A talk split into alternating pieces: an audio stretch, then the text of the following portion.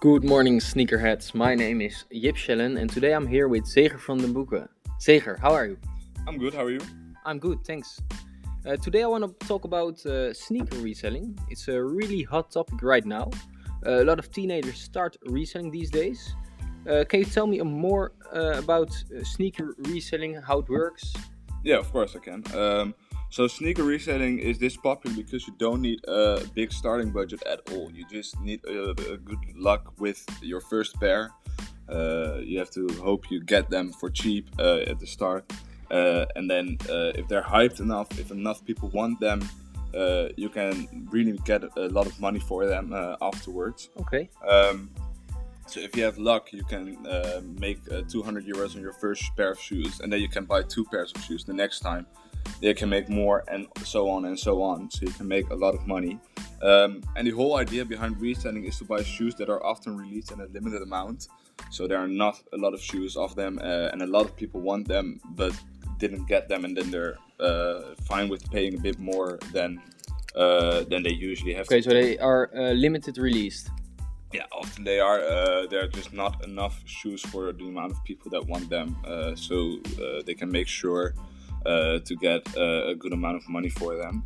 Um, and then, if, if they really want them, they'll pay more for them. Um, and then um that way you can make up to uh, like from 100 euro per pair it's up to multiple thousands sometimes if the shoe is really hyped Really? if there's a nice collab with uh, especially uh, uh, bigger brands with rappers with uh, with uh, other artists there's a, a good chance of them being really popular uh, so you can make a lot of money um, and I heard you recently made 350 euros just on one pair of shoes. Can you tell me more about that?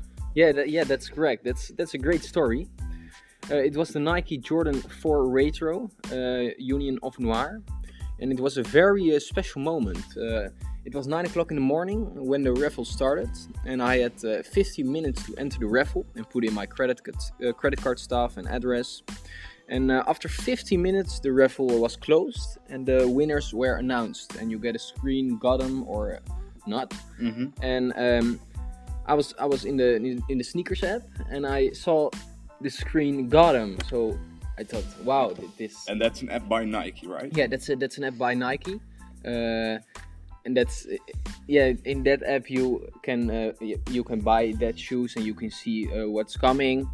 Alright. Um, then after uh, 15 minutes, the raffle so was closed and the winners were announced, and uh, you have to pay 250 euro, and then the shoe uh, shoes get uh, shipped to you automatically. And I got the shoes a few days later. Uh, in that time, uh, I had already sold them on a platform. Uh, I, I put them on a platform and uh, with all the info and the and the size, everything, and um,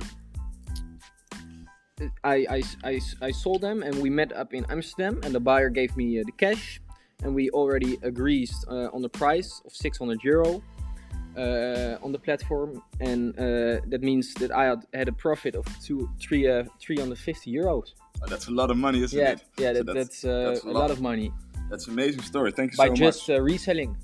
Yeah, that's amazing. Easy money. It's very easy money, so I can uh, understand that's, that it is people's job yeah, to of do this. I'd say so. All right, thank you very much for your story. Yeah, Zeger, thank you very much. And uh, I hope we can uh, have another story. Yeah.